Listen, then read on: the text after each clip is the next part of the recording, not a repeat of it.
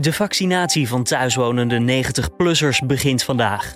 In de Rotterdamse wijk Charlos wordt grootschalig getest op het coronavirus. En zeker 100.000 noodzakelijke niet-spoedeisende operaties zijn vorig jaar uitgesteld als gevolg van de coronacrisis. Om straks alle noodzakelijke zorg te kunnen leveren aan patiënten die nu op de wachtlijst staan, zijn onconventionele maatregelen nodig. Al dus de Nederlandse Vereniging voor Anesthesiologie en Heelkunde. Dit wordt het nieuws. Ik noem het eigenlijk de stille ramp naast eh, de COVID-ramp die we op dit moment hebben. Uh, we hebben natuurlijk al uh, nou, tien maanden horen we voorpagina nieuws COVID. En dat is natuurlijk ontzettend belangrijk en heel ingrijpend. Maar op de achtergrond zien we dat, er, ja, dat daardoor de niet-COVID-zorg verdrongen wordt. En deze cijfers geven denk ik voor het eerst goed aan hoe groot eigenlijk wat betreft operaties, hoe groot eigenlijk die uitgestelde zorg is. Over die stille ramp praat Caroline van der Marel, voorzitter van de Nederlandse Vereniging voor Anesthesiologie, zo meteen bij. Maar eerst eventjes kort het belangrijkste nieuws van nu. Mijn naam is Julian Dom en het is vandaag dinsdag 26 januari. Er zijn maandagavond opnieuw rellen uitgebroken in Nederland. De politie heeft in Haarlem traangas ingezet. In andere steden als Den Haag, Geleen, Helmond en Zwolle heeft de ME moeten ingrijpen. Daarbij zijn meerdere relschoppers aangehouden, vertelt politiechef Willem Woelders. En wat ik al zei, we zitten en er is ook een tussenstand nu op 151 aanhoudingen. En ik verwacht daar zeker nog in de komende uren een aantal bij. Vanwege de vele rellen door heel Nederland kwam de druk wel hoog te staan bij de politie en duurde het soms iets langer voordat de inzet ter plaatse was. En het grote probleem altijd is dat je door heel Nederland hier moet gaan acteren. Dus je hebt ook nog last van eh, redelijk lange aanrijdtijden. Die wachttijd was merkbaar in Den Bosch, al dus burgemeester Jack Mikkers. Door de inzet in andere steden moest er gewacht worden. In die tijd lieten de relschoppers een spoor van vernielingen achter in de stad. Ook in Rotterdam liep de situatie volledig uit de hand. Burgemeester Abu Talib heeft geen goed woord over voor de relschoppers. Er zijn helaas heel veel uh, winkels ingebroken. Um, ja, het zijn gewoon een stelletje plunderaars en, en dieven, ik kan het niet anders uh. Dinsdag start een onderzoek waarmee de politie met behulp van camerabeelden nog meer mensen hoopt aan te kunnen houden. Politici reageren geschokt na de rellen. PVV-leider Geert Wilders roept demissionair premier Mark Rutte op het leger in te zetten. De PVV-leider werd eerder nog door onder andere GroenLinks-voorman Jesse Klaver mede verantwoordelijk gehouden voor de uit de hand gelopen protesten tegen de avondklok. Denkkamerlid Tuna Kuzu is tegen de avondklok, maar noemt de invoering ervan geen reden om te rellen. Demissionair premier Mark Rutte veroordeelde eerder op maandag al het geweld en vroeg zich af wat deze mensen bezielt. Zo'n 78.000 huishoudens in Nederland moeten mogelijk gedwongen verhuizen zodra hun aflossingsvrije hypotheek afloopt. Daarvoor waarschuwt de autoriteit Financiële Markten. Bij deze hypotheken betaal je enkel de rente en los je uiteindelijk niets af. En daardoor moet vervolgens de rekening af worden gelost op het einde van die hypotheek of moet de nieuwe lening worden afgesloten. De huishoudens lopen het risico dat ze de hypotheek na het aflopen niet opnieuw kunnen financieren, omdat ze dan geen recht meer hebben op hypotheekrenteaftrek. Berichten dat het vaccin van AstraZeneca maar bij 8% van de 65-plussers effectief zou zijn, zijn compleet onjuist. Dat zegt de farmaceut in reactie op artikelen die in Duitse media zijn verschenen. De krant Handelsblad meldt op basis van regeringsbronnen dat het middel maar bij ruim 1 op de 12 65-plussers effectief is. De betrouwbaarheid van die anonieme bronnen is echter niet te controleren. Ook Nederland wil veel mensen inenten met het AstraZeneca-vaccin, ook ouderen, maar die worden voor het overgrote deel gevaccineerd met vaccins van Pfizer en Moderna. In totaal heeft de EU zo'n 400 miljoen doses gereserveerd bij AstraZeneca. En het bedrijf meldde afgelopen weekend vertraging in de productie en levering daarvan. Volgens de Amerikaanse president Joe Biden is zijn land op weg om in de zomer voldoende groepsimmuniteit te hebben opgebouwd tegen het coronavirus. Biden verwacht in de eerste 100 dagen als president ruim 150 miljoen vaccins te kunnen toedienen. En dat zijn er 50 miljoen meer dan waar hij eerder op hoopte. Wel noemt hij het allemaal een grote logistieke uitdaging. Inmiddels zijn er in de VS meer dan 420.000 mensen overleden aan de gevolgen van het coronavirus. Dan ons gesprek deze dinsdagochtend. Het is een van de belangrijkste redenen dat er momenteel coronamaatregelen genomen moeten worden. Om de zorg niet te overspoelen met patiënten. Want als dat gebeurt, dan is er geen ruimte en tijd voor de niet-coronazorg. Gisteren kwam de Nederlandse Vereniging voor Anesthesiologie en Heelkunde met een onderzoek dat er zeker 100.000 niet spoedeisende operaties vorig jaar zijn uitgesteld. Zorgexperts maken zich grote zorgen over het aantal patiënten dat nog op een operatie wacht, al dus de zorgorganisatie.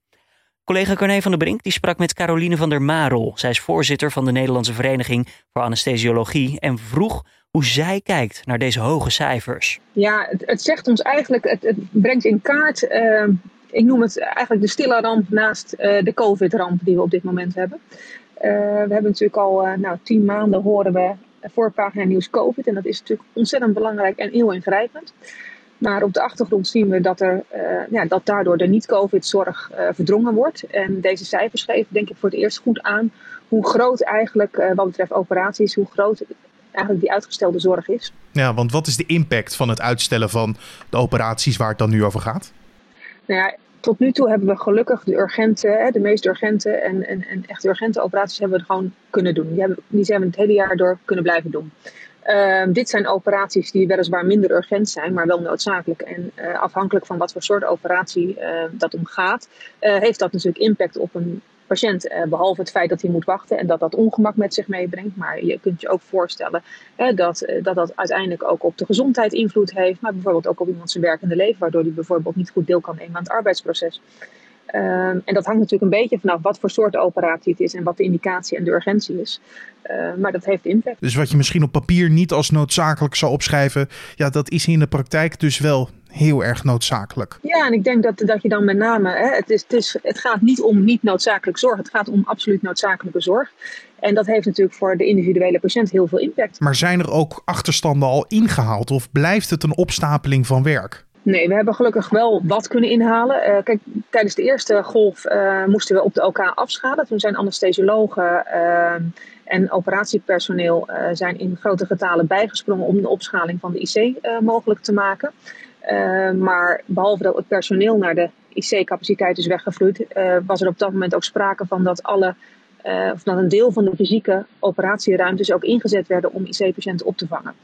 Uh, na de eerste golf is het wat rustiger geworden. Toen hebben we weer vol kunnen draaien en ook een deel van de zorg weer in kunnen halen. En toen kwam de tweede golf. Uh, waarin weliswaar de nadruk op de IC wat minder groot was, maar nu met name op de afdelingen. Ehm, is weer het operatiepersoneel ingezet op de IC's en op de afdelingen om daar eh, voor de COVID-patiënten te zorgen. Um, het was niet nodig om ook OK-ruimtes in te zetten. Dus die OK-ruimtes werden niet fysiek gebruikt voor de opvang van COVID-patiënten. Maar desondanks konden we nog steeds geen operaties doen. Nee, ook omdat uh, natuurlijk collega's aan het bijkomen waren van die eerste golf. Nou ja, aan het bijkomen. Ik denk dat als je met name kijkt naar operatiepersoneel, die zijn in de eerste golf ingezet. Uh, in hè, tussen de twee golven in op de OK. En toen kwam de tweede golf. Ja, we zien wel dat het ziekteverzuim gewoon uh, hoog ligt. En voordat de operatie, voordat de COVID-crisis begon, hadden we al een tekort aan operatiepersoneel. Uh, ja, dat is niet minder geworden met uitval en een hoog ziekteverzuim. Dat wordt in deze tijd wordt dat pijnlijk zichtbaar. Uh, ja, absoluut. Want heeft de pandemie dan laten zien dat we ja, in ieder geval in de afgelopen paar maanden altijd achter de feiten aanliepen? Ja, ik denk dat we, uh, ja, ik denk dat dat waar is. Ja. Ehm, kijk, ik denk dat we het goed doen. En ehm, dat, dat het ons tot nu toe gelukt is om, om de ballen in de lucht te houden. Maar dat betekent wel dat wat minder urgente zorg opgeschoven is. En dat gaat op een gegeven moment natuurlijk ook wel echt wrijven. Want als je het hebt over het uitstellen van een operatie, hoe gaat dat in zijn werk? Ja, in veel ziekenhuizen zijn er uh, crisisteams en planningsteams. En uh, daar wordt op dit moment van week tot week, uh, van dag tot dag bekeken wat er door kan gaan en wat niet. En uh, uiteindelijk zijn het natuurlijk de, de hoofdbehandelaars, dus de chirurgen, KNO-artsen, orthopeden, noem maar op. Die stellen de indicatie en ook de urgentie. En urgentie hangt af van het type operatie, maar ook van het type patiënt. Dus wat voor de ene patiënt uh, minder urgent is, kan voor een andere patiënt urgenter zijn, omdat hij bijvoorbeeld bijkomende gezondheidsproblemen heeft. Dus dat zijn allemaal factoren die uh, op individueel niveau bekeken moet, moeten worden. En uh, dat gebeurt dan ook in dat soort planningsoverleggen. En ja, wat er op dat moment door kan en moet gaan. En uiteindelijk moet dat vertaald worden naar de patiënt. Um, gaat dat ja, veel gepaard met, met teleurstelling of uh, begrip? Uh, allebei inderdaad. Ik bedoel, uh, gelukkig hebben veel patiënten die zien ook wel onder wat voor druk de zorg op dit moment staat. dus die hebben daar ook wel begrip voor. Maar uiteindelijk is het natuurlijk absoluut een teleurstelling. En is het natuurlijk uh, het begrip de zorg onder druk staat, is misschien nog wat abstract. Op het moment dat jouw operatie uitgesteld wordt, wordt het natuurlijk heel tastbaar. En dan wordt het voor jou individueel heel belangrijk. En je zei net al dat ja, dit naast de hele coronacrisis gewoon een stille ramp is. Heb jij het idee dat mensen dit vergeten? Dat de coronamaatregelen nodig zijn om dit soort problemen te voorkomen? Ja, die indruk heb ik wel. We, we horen natuurlijk al tien maanden lang uh, nou ja, het hele, het hele COVID-crisis. Maar er zit gewoon een crisis onder of achter, hoe je het wil zien. Um, en ik denk dat dat niet altijd voldoende in beeld komt. En dat ligt dan aan het feit dat mensen het als een kleine fractie van het probleem zien? Nee, ik denk niet zozeer dat dat een kleine fractie is van het probleem, als wel dat het COVID-probleem urgenter is. Kijk, wat ik, de urgente operaties die hebben we door kunnen laten gaan. De minder urgente dingen staan uiteraard minder op de voorgrond op het moment dat er dingen zijn die urgenter zijn. Uh, dus ja, zo geldt dat ook voor deze dingen, denk ik. Ja, want in augustus uh, zei je op nu.nl dat, je, uh, dat jullie qua personeelsbezetting niet klaar zijn voor een nieuwe coronapiek. Ja, die, die extra ademruimte, is die er dan nu wel al of is dat nog steeds kiele kiele? Nou, ik denk dat dat nog steeds kiele kiele is. Op dit moment is nog steeds, zijn nog steeds anesthesiemedewerkers, operatieassistenten en verkoevenmedewerkers die ingezet worden op de, in de COVID-zorg. Dus zowel op de IC als op de afdelingen. Dus dat betekent gewoon dat je nog steeds niet een volledige operatiecapaciteit hebt. En uh, dat ligt deels aan de OK, maar ook op de afdeling. We hebben onvoldoende uh, normale afdelingsbedden om niet-COVID-patiënten op te nemen. En uh, ja, in die zin zijn we natuurlijk niet klaar daarvoor. en er komt mogelijk nog een derde golf aan. We kunnen pas weer vol draaien en aan inhalen denken op het moment dat die druk natuurlijk afneemt. En ehm, wat ik net zei, we zijn begonnen met tekorten hè, voor de crisis. Toen waren we al niet op volle sterkte. Ja, dat is niet beter geworden. Dus als je dit allemaal weg moet gaan werken straks, ja, dan zul je moeten kijken naar een mogelijk flexibel systeem. Dat hebben we, hè, uh, we hebben dat laten zien in de COVID, dat vanuit de anesthesie en uh, elkaar personeel inzet op andere afdelingen mogelijk was. Uh, ik denk dat je ook moet kijken naar de mogelijkheid om dat omgekeerd te doen. En op die manier uh, het elkaar-proces te ondersteunen op het moment dat daar weer ruimte voor is. Want in het onderzoek komen jullie ook met een oplossing voor dit probleem om ja, mensen in de zorg bij te scholen, op andere manieren te gebruiken. Hoe moet ik dat uh, voor me zien? Kijk, als ik kijk even naar de anesthesiemedewerkers, dat zijn dan uh, mensen die uh, gewend zijn en opgeleid zijn om voor beademde en kritiek zieke patiënten op elkaar te zorgen. Ehm, die hebben natuurlijk heel veel overlap in hun scholing met bijvoorbeeld IC-verpleegkundigen. En je zou moeten kijken naar waar de overlap zit tussen de verschillende opleidingen. Om te kijken wat je, hè, wie waar onder wat voor omstandigheden bij kan springen en welke taak je eventueel kan overnemen. We zien nu dat IC-verpleegkundigen ondersteund worden door uh, operatieassistentes, uh, anesthesiemedewerkers. die kunnen niet alles doen wat een IC-verpleegkundige doet, maar bepaalde taken kunnen ze wel doen met een deel extra scholing. En dat zou je omgekeerd ook moeten kijken. Maar is dat in een middagje gepiept, een online cursus en dan kunnen die mensen gelijk aan de slag bij ja, diverse afdelingen? Of gaat er toch best nog wat tijd in zitten? Nou ja, ik denk om dat goed op poten te krijgen, dat je gewoon kritisch moet kijken uh, naar uh, waar de overlap zit en waar de mogelijkheden zitten. En daar wordt op dit moment ook al naar gekeken door zowel de anesthesiemedewerkers, operatieassistenten als de verpleegkundigen. Maar is dat dan een definitieve oplossing? Of loop je eigenlijk in deze tijd altijd wel tegen de, ja, de, de, de randen op van wat mogelijk is? Nou ja, ik denk dat dat, een, een, hè, dat, is, dat heeft te maken met hoe je de zorg wil inrichten. Uh, kijk, ik hoop dat er ook een, uh, nou ja, een tijd komt waarin er geen COVID meer is, of waar het in ieder geval niet meer zo op de voorgrond staat. En uh, kijk, we hebben laten zien in de zorg, uh, we hebben dit op kunnen vangen tot nu toe, maar dat betekent wel dat andere dingen uitgesteld hebben kunnen worden. je kan natuurlijk zeggen van je moet je ziekenhuiscapaciteit verdubbelen om dit soort dingen als COVID te kunnen opvangen. Maar op het moment dat we een jaar verder zijn en COVID niet meer zo'n prominente plaats heeft, ja, heb je dan al die capaciteit nodig. Dus ik denk dat je slim moet omgaan met je capaciteit en flexibele, flexibele schil uh, kan daar een hele goede rol in spelen. Ook als we over hè, bijvoorbeeld tien jaar weer iets anders krijgen als COVID. Um, een flexibele schil, hè, zoals de anesthesiologen naar de IC, uh, operatieassistenten, anesthesiemedewerkers naar de afdeling en naar de IC. Maar omgekeerd ook, dat maakt je systeem denk ik flexibeler en sterker. Bent u de, ja, ben, ben, je dan hoopvol voor de komende tijd? Of, of denk je toch, ja, ja, het is zo lastig. Want we hebben het natuurlijk over een stille ramp. We hebben het over waar we nu dan de ja. tweede golf waarin we zitten, een mogelijke derde golf. Is er nog een sprankje hopen licht aan het einde Jawel. van de tunnel? Of? Ik, er is zeker licht aan het einde van de tunnel, dat denk ik zeker. Um, maar ik denk wel dat hè, met een derde golf mogelijk op komst, uh, we zijn nog niet op adem. En uh, ik denk dat we ons met, dat met z'n allen goed moeten realiseren. Hè? Het stukje COVID-zorg, maar kijk ook alsjeblieft naar het stukje niet-COVID-zorg. Dus ja, ik denk dat dat het belangrijkste is op dit moment. dat we dat niet uit het oog verliezen. Dat was Caroline van der Marel, voorzitter van de Nederlandse Vereniging voor Anesthesiologie. Dan nog eventjes de nieuwsagenda voor deze dinsdag. De vaccinatie van thuiswonende 90-plussers die begint. De eerste inenting vindt plaats bij een GGD-priklocatie in Apeldoorn.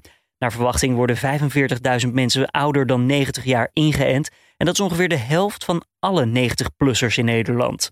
Ze worden door huisartsen uitgekozen. En het gaat vooral om mensen die mobiel genoeg zijn om zelf naar een vaccinatielocatie te komen.